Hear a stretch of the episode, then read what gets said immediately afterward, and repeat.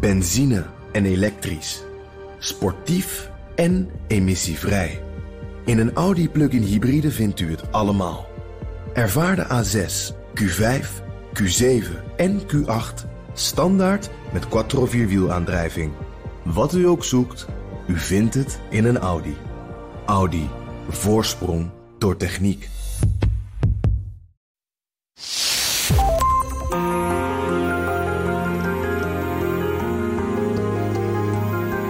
Je luistert naar De Stratege, een podcast van BNR in samenwerking met het Den Haag Centrum voor Strategische Studies. Mijn naam is Paul van Liemt. Oekraïne houdt vol en boekt op het gebied van luchtafweer gigantische successen. Drones, kruisraketten en andere projectielen worden vanuit Rusland ingezet. Maar tot nu toe lukt het Oekraïne om die grotendeels uit de lucht te houden. Waar blijven de Russen in het luchtruim? Dat besprak ik vorige week met Adi Batenburg, luitenant-kolonel specialist in de Surface-Based Air and Missile Defense bij het Land Warfare Center. En Frederik Mertens, strategisch analist bij HCSS en Haag Centrum voor Strategische Studies. Wie het luchtruim beheert of beheerst boven de andere grondgebied, daar vrijheid van handelen heeft, is enorm in het voordeel om uh, support te leveren aan zijn grondtroepen, dan wel effectief in de diepte een, uh, het gevecht te kunnen voeren. Dus is dit nu typisch iets voor Oekraïne dat er gevochten wordt om het luchtruim? Ik denk het niet. Als we kijken naar hoe de Rus zijn luchtverdediging heeft ingericht tegen de NATO, door uh, aerial denial te, te, te, forceren rondom Kaliningrad bijvoorbeeld, of rondom de High Noord. Uh, dan is dat niet, system, uh, is dat niet typisch is voor, voor de Oekraïne. Ik, ik, benoemde net al dat zodra de NATO eensgezind optreedt. op het moment dat Rusland Oekraïne binnenvalt, zie je het eerste wat we doen is het ontplooien van onze luchtverdedigingsmiddelen. Het zij als luchtwapen, luchtverdedigingsmiddelen. Het zij als grondgebonden luchtverdedigingsmiddelen met onze Patriots langs de uh, oostgrens. Kun je op basis hiervan ook iets zeggen dan over de toekomst, de westerse toekomst van, uh, van het luchtverdedigingsproces? Dat luchtverdediging misschien nog wel belangrijker gaat worden dan dat het in het verleden al was. En Frederik Mertens en Adrie Batenburg die zijn ook nu mijn gasten. We gaan luisteraarsvragen beantwoorden. En de eerste komt van een vrij ingewikkelde naam, MRTSK2. We kunnen ook gewoon Maurits zeggen. Hoe moet Nederland voorkomen dat ze in eenzelfde stadium van het conflict terechtkomen als Oekraïne? Wat is onze offset tegen een tegenstander als Rusland? De NAVO.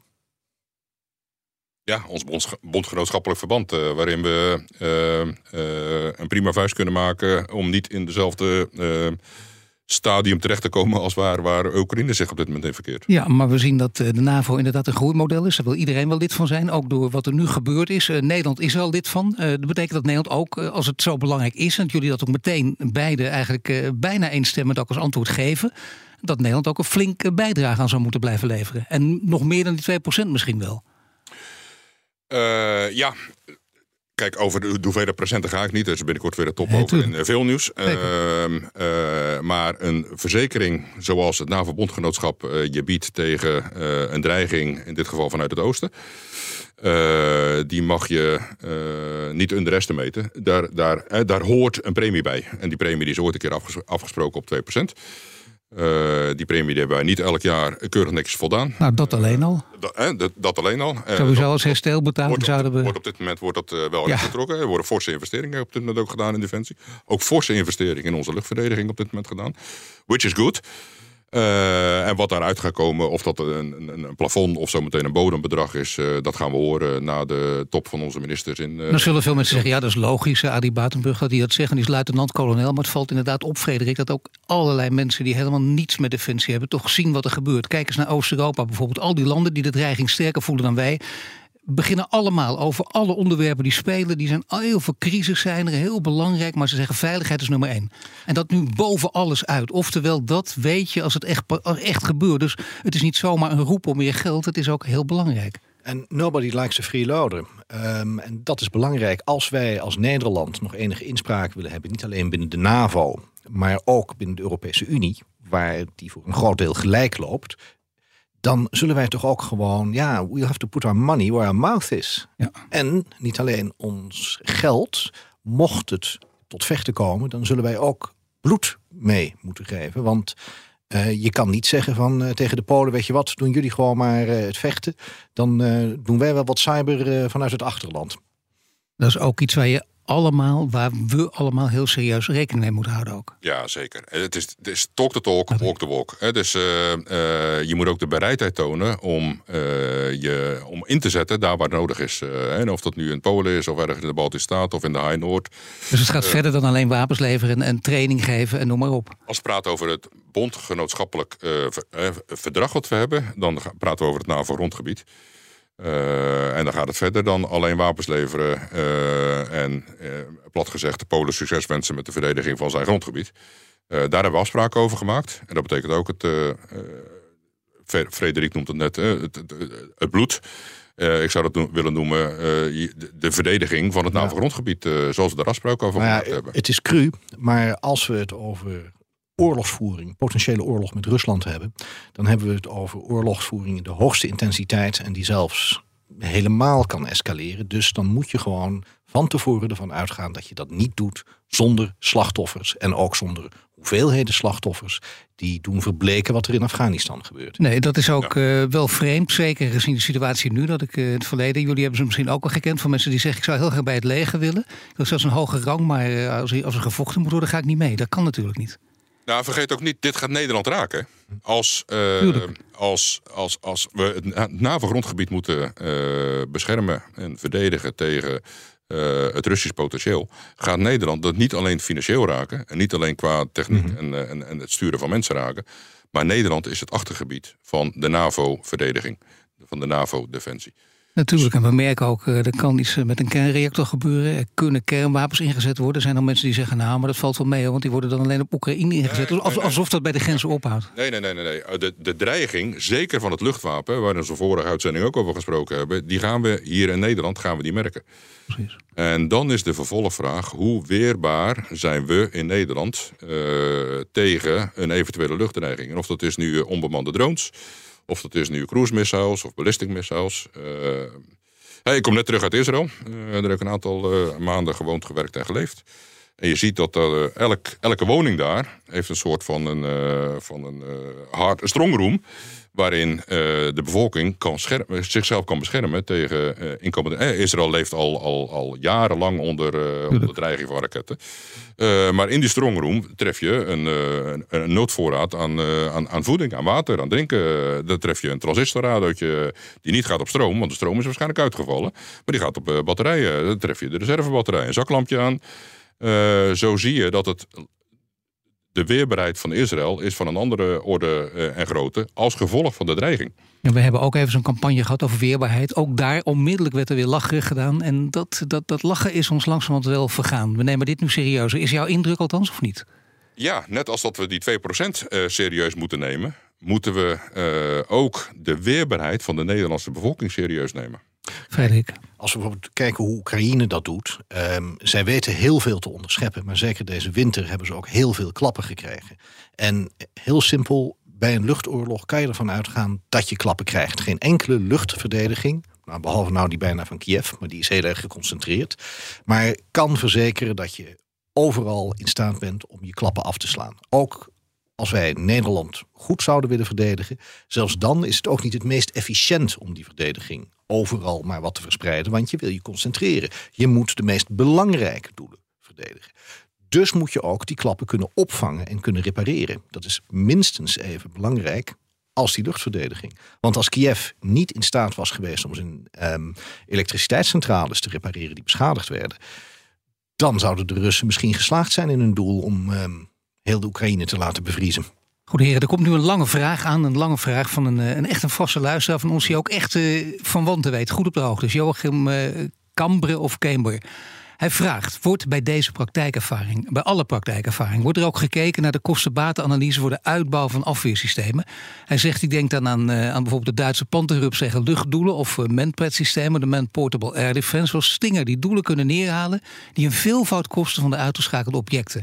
En dan zegt hij, zijn er bepaalde dure systemen die je niet kunt vermijden bij specifieke aanvalstrategieën. En loont het ook om die op Europees niveau aan te schaffen en te coördineren? Of is er een noodzaak om dit ook gedeeltelijk op nationaal niveau te organiseren? Nou, dat is geen makkelijke vraag, maar die, die geven we dus aan uh, Adrie Batenburg, want die kan het aan. Kijk, ik krijg een niet makkelijke vraag. Nee, Eh, kijk, eh, we- er spelen hier twee dingen. Dat is eh, A, eh, is iets efficiënt? En eh, het woord bloed is al gevallen. In oorlog is niets efficiënt. Laten we dat vooropstellen. Eh, als ik in die end eh, iets heb om mezelf of mijn eigen commandopost te beschermen, hoe duur dat ook is, ik zal het inzetten om mezelf te beschermen tegen hoe goedkoop dat ook is wat er op me afkomt. eh. Eh, want dat is, dat is mijn opdracht, dat is mijn doel. Dat is eh, de ene kant van het verhaal. De andere kant, je luchtverdediging wordt altijd opgebouwd in, in lagen. Hè. Dat is je korte dracht luchtverdediging. Dat is je medium range air defense. En dat is je lange dracht luchtverdediging. Hè. Zo hebben we dat ook in Nederland met, met Stingers, met, met de medium range air defense. De lange dracht is dan onze Patriot wapensystemen. Ehm, dus je probeert dat zo effe- effectief mogelijk in te richten. En dat is niet altijd efficiënt mogelijk in te richten. Dus wat kunnen we daarvan leren eh, als je praat over inzet in het, in het, eh, het NAVO-bondgenootschappelijk eh, verband? Dat is dat we die gelaagdheid van luchtverdediging eh, weer opnieuw moeten bezien. En of dat allemaal zo effectief is ingericht op dit moment. Gegeven het feit dat we eh 35 jaar in, eh, in, in, in vrede hebben kunnen leven. En de dreiging die vanuit Rusland komt, wat meer op de achtergrond is geraakt. Tuurlijk. Maar eh, ja, Frederik, maar dan We zitten hier weer bij dat concert. Want daar gaat het ook om. Die concertmeester die moet bepalen welke wapens waar en hoe ingezet zullen worden. En die soms zal moeten bepalen van oké, dit is een doel dat gaat naar iets. Dit vliegtuigje of dit kruisraketje vliegt naar iets wat minder vitaal is. Ik ben bereid om hiervoor dit systeem in te zetten. En anders dan moet je dat pakken omdat jouw voorraad bijvoorbeeld van hele complexe Patriots beperkt is. Maar Joachim wil weten of je ze ook op Europees niveau kunt aanschaffen. En dan hebben we natuurlijk geen eh, strakke regisseur in Europa. Nou, dat is, en dan komen we dus bij die volgende stap. Wij moeten strategisch moeten wij rekening ermee houden dat de hoeveelheden wapens die verbruikt worden in zo'n conflict enorm is. En dat wij nu op dit moment eigenlijk niet de voorraden of de productiecapaciteit hebben om zo'n oorlog op lange tijd vol te houden. En dat valt ook weer onder een stukje weerbaarheid in, eh, in Nederland. Want in hoeverre is, ehm, eh, A, kunnen we en B, willen we nog een hoeveelheid wapens en munitie opgeslagen. Wil, wil jij nog een munitieopslag in jouw achtertuin hebben? Dus onze munitieopslagen, eh, zoals we die kennen in Nederland, die zijn de afgelopen 35 jaar zijn gedecimeerd. Eh, maar we moeten weer voorraad gaan aanleggen. eh, ten einde te voorkomen dat de attritieoorlog, hè, de, de, de, de uitputtingsoorlog op het gebied van, eh, van luchtverdediging, dat die, eh, eh, dat, dat die weer in ons eigen ten faveur en van ons eigen eh, kunnen laten omslaan. En als we die Voorraden. voorraden aanleggen, dan moeten we, hebben we er ook flink wat ruimte voor nodig. Dan krijgen we toch weer een not in my backyard discussie. Voorraden en productiecapaciteit, dat laatste moeten we er ook aan toevoegen. En die productiecapaciteit moeten we zeker op Europees niveau gaan aanpakken, zodat wij ook niet meer alleen afhankelijk zijn van de Verenigde Staten. Want zij zijn nu wel heel actief in Europa, maar hun zwaartepunt ligt toch nou echt in de Indo-Pacific. Ja. Dus wij moeten zelf ook onze broek op kunnen houden, ook op dit gebied. En ja, dat NIMBY-verhaal, ehm, Nou ja. daar zullen we toch wel wat omheen moeten werken. Ik hoop dat het verder ook geen stikstofprobleem zal worden. Ja, maar, nou ja, maar dan ga je dus. natuurlijk, nee, maar je krijgt dat wel, je krijgt op een ander niveau krijg je dit. Het gaat ook weer over vergunningen. Dat klopt. En dat is waanzinnig frustrerend. Dat zeker voor zaken als nationale veiligheid soms geen duidelijke beslissingen genomen kunnen Ja, ook, ook niet in deze. prijs te- Ja, zijn wij bereid om die prijs te betalen? Hè? Ook als je praat over nationale veiligheid, ook als je praat over eh, v- vergunningen. Zijn wij bereid om die prijs te betalen in Nederland? Voor onze eigen veiligheid. eh. En je had het net over, eh, is hier een regisseur voor? Hè? Eh, Een Europese regisseur. die is er wel degelijk. Hè? Eh, Als we kijken naar eh, het NAVO-bondgenootschap, dat wordt eh, eh, primair gerund vanuit Brussel natuurlijk. Eh, door de politieke leiding in Brussel en eh, militair gezien door uh, Sakeur, die in, in Mons in Shape zit. Waar wel degelijk plannen gemaakt worden over hoe het NAVO-grondgebied te, te verdedigen. Ja. Dus daar zit wel degelijk een regisseur die ook om troepen vraagt en ook om specifieke troepen vraagt, capabilities vraagt van diverse landen, van wil daar aandacht aan geven. En zo is dat ook aan Nederland gevraagd. Nou, misschien heb je de vraag in, in, in deze zin, zonder het te weten, al beantwoord. De vraag van Maurits, want die, die specifiek aan jou gesteld, eh, Adrie. Hij wil weten, wat zijn jouw belangrijkste observaties of lessen met betrekking tot luchtverdediging in dit conflict voor de Nederlandse krijgsmacht? Ehm, ja, we moeten, moeten beginnen met. De de Nederlandse krijgsmacht wil ik breder trekken dan alleen de Nederlandse krijgsmacht. En twee dingen breder. A, ik wil hem een internationaal verband breder trekken. We praten over het. We zullen altijd optreden in in, in een NAVO-verband. En twee, moeten we hem niet alleen naar de krijgsmacht uh, toebrengen, maar moeten we hem ook toebrengen naar uh, de Nederlandse maatschappij, de Nederlandse samenleving. En die, en die vraag die, eh, die heb ik er net al beantwoord. Hè. Wat is de bereidheid van de Nederlandse samenleving om A hierin te investeren en B hier ook de lasten van te dragen eh, met elkaar. En nou, je zou zeggen die bereidheid zou vijf jaar geleden heel laag zijn. En een theoretische kwestie, maar nu toch volkomen anders. En ik heb de idee dat die ook aan het omdraaien is in Nederland. Dat het besef dat vrede niet goedkoop is en niet vanzelf komt, dat dat besef bij heel veel mensen aan het indalen is. Dan terug naar de vraag, hè, wat hebben we daar als, eh, als eh, krijgsmacht van geleerd? En dan praat je over de factor bescherming. Hè. Hoe beschermen wij uh, Nederland of Nederland in bondgenootschappelijk verband? Of hoe beschermen wij onze, onze troepen? die is A gebaseerd op een dreiging. Want zonder dreiging zouden we ons niet hoeven te beschermen. Ja. Dus uh, als we kijken naar de dreiging, dan zie je dat de dreiging zich enorm aan het uitbreiden is. Hè. Niet alleen technisch veel hoogstaander, maar ook veel sneller inzetbaar, uh, manoeuvreerbaar, uh, om maar een aantal aspecten te noemen. van kleine UAV's die door één enkele vent bestuurd kunnen worden in het achtergebied, zelfs tot in de, de, de Moskou aan toe. Ja. Uh, tot uh, ballistische raketten, wel of niet met een, uh, met een, met een chemische lading. Ehm, dus dat is één aspect van, uh, van, het, van het hele spectrum. Het volgende aspect is dat je daar een aantal uh, effectoren en sensoren tegenover uh, moet zetten. Daarvan zie je nu een enorme influx binnen Nederland richting de grondgebonden luchtverdediging. Ja. we bestellen heel veel medium range air defense systemen en short range air defense systemen om onze, onze manoeuvre weer, onze troepen weer te kunnen, te kunnen beschermen. dus dat is een prima en een, een, een goede ontwikkeling.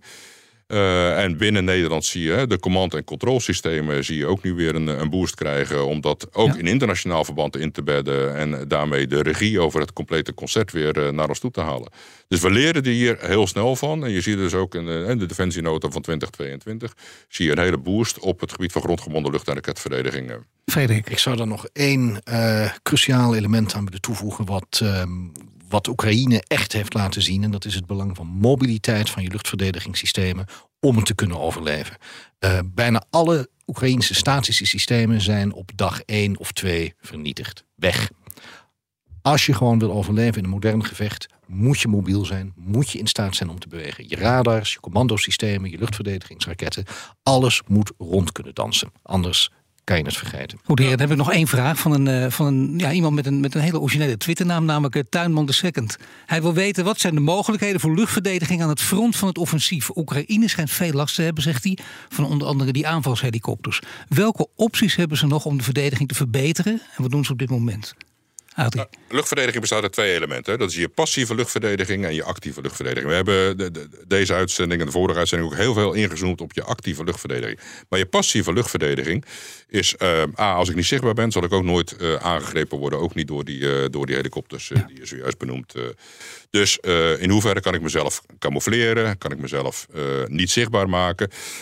Kan ik een bepaalde vorm van misleiding toepassen? dus dat de, de, de, Russische helikopters op een ander gebied gefocust zijn als daar waar ik zelf op dat moment aan, aan het manoeuvreren ben. Nadeel voor Oekraïne op dit moment is dat het uit de loopgraven moet komen en voorwaarts moet gaan. Dus zichzelf zichtbaar moet maken. Ja.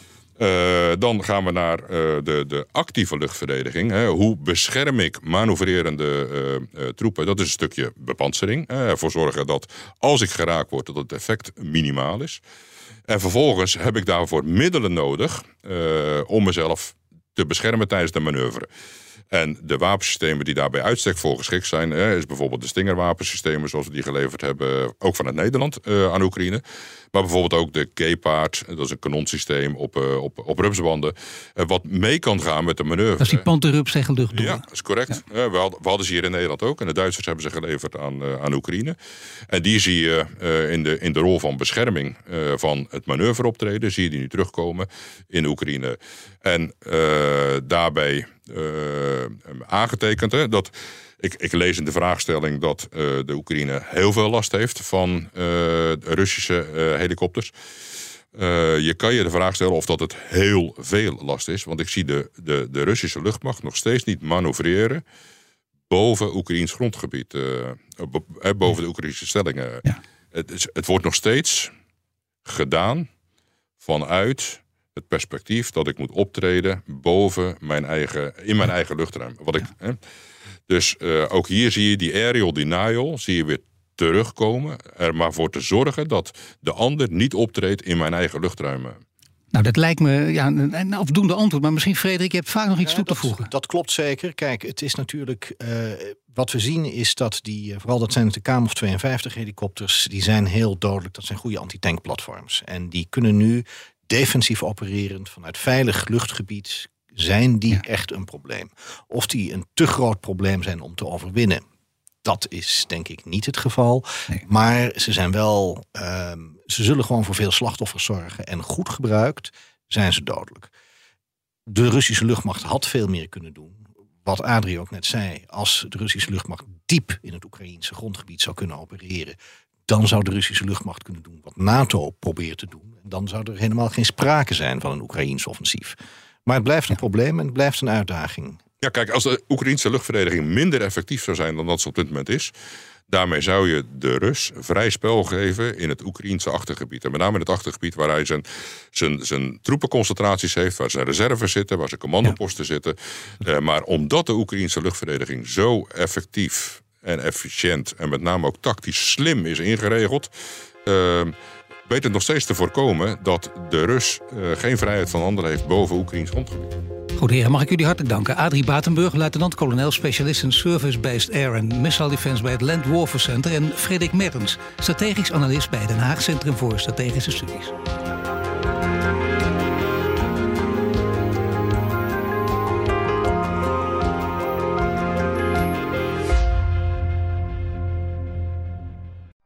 Benzine en elektrisch.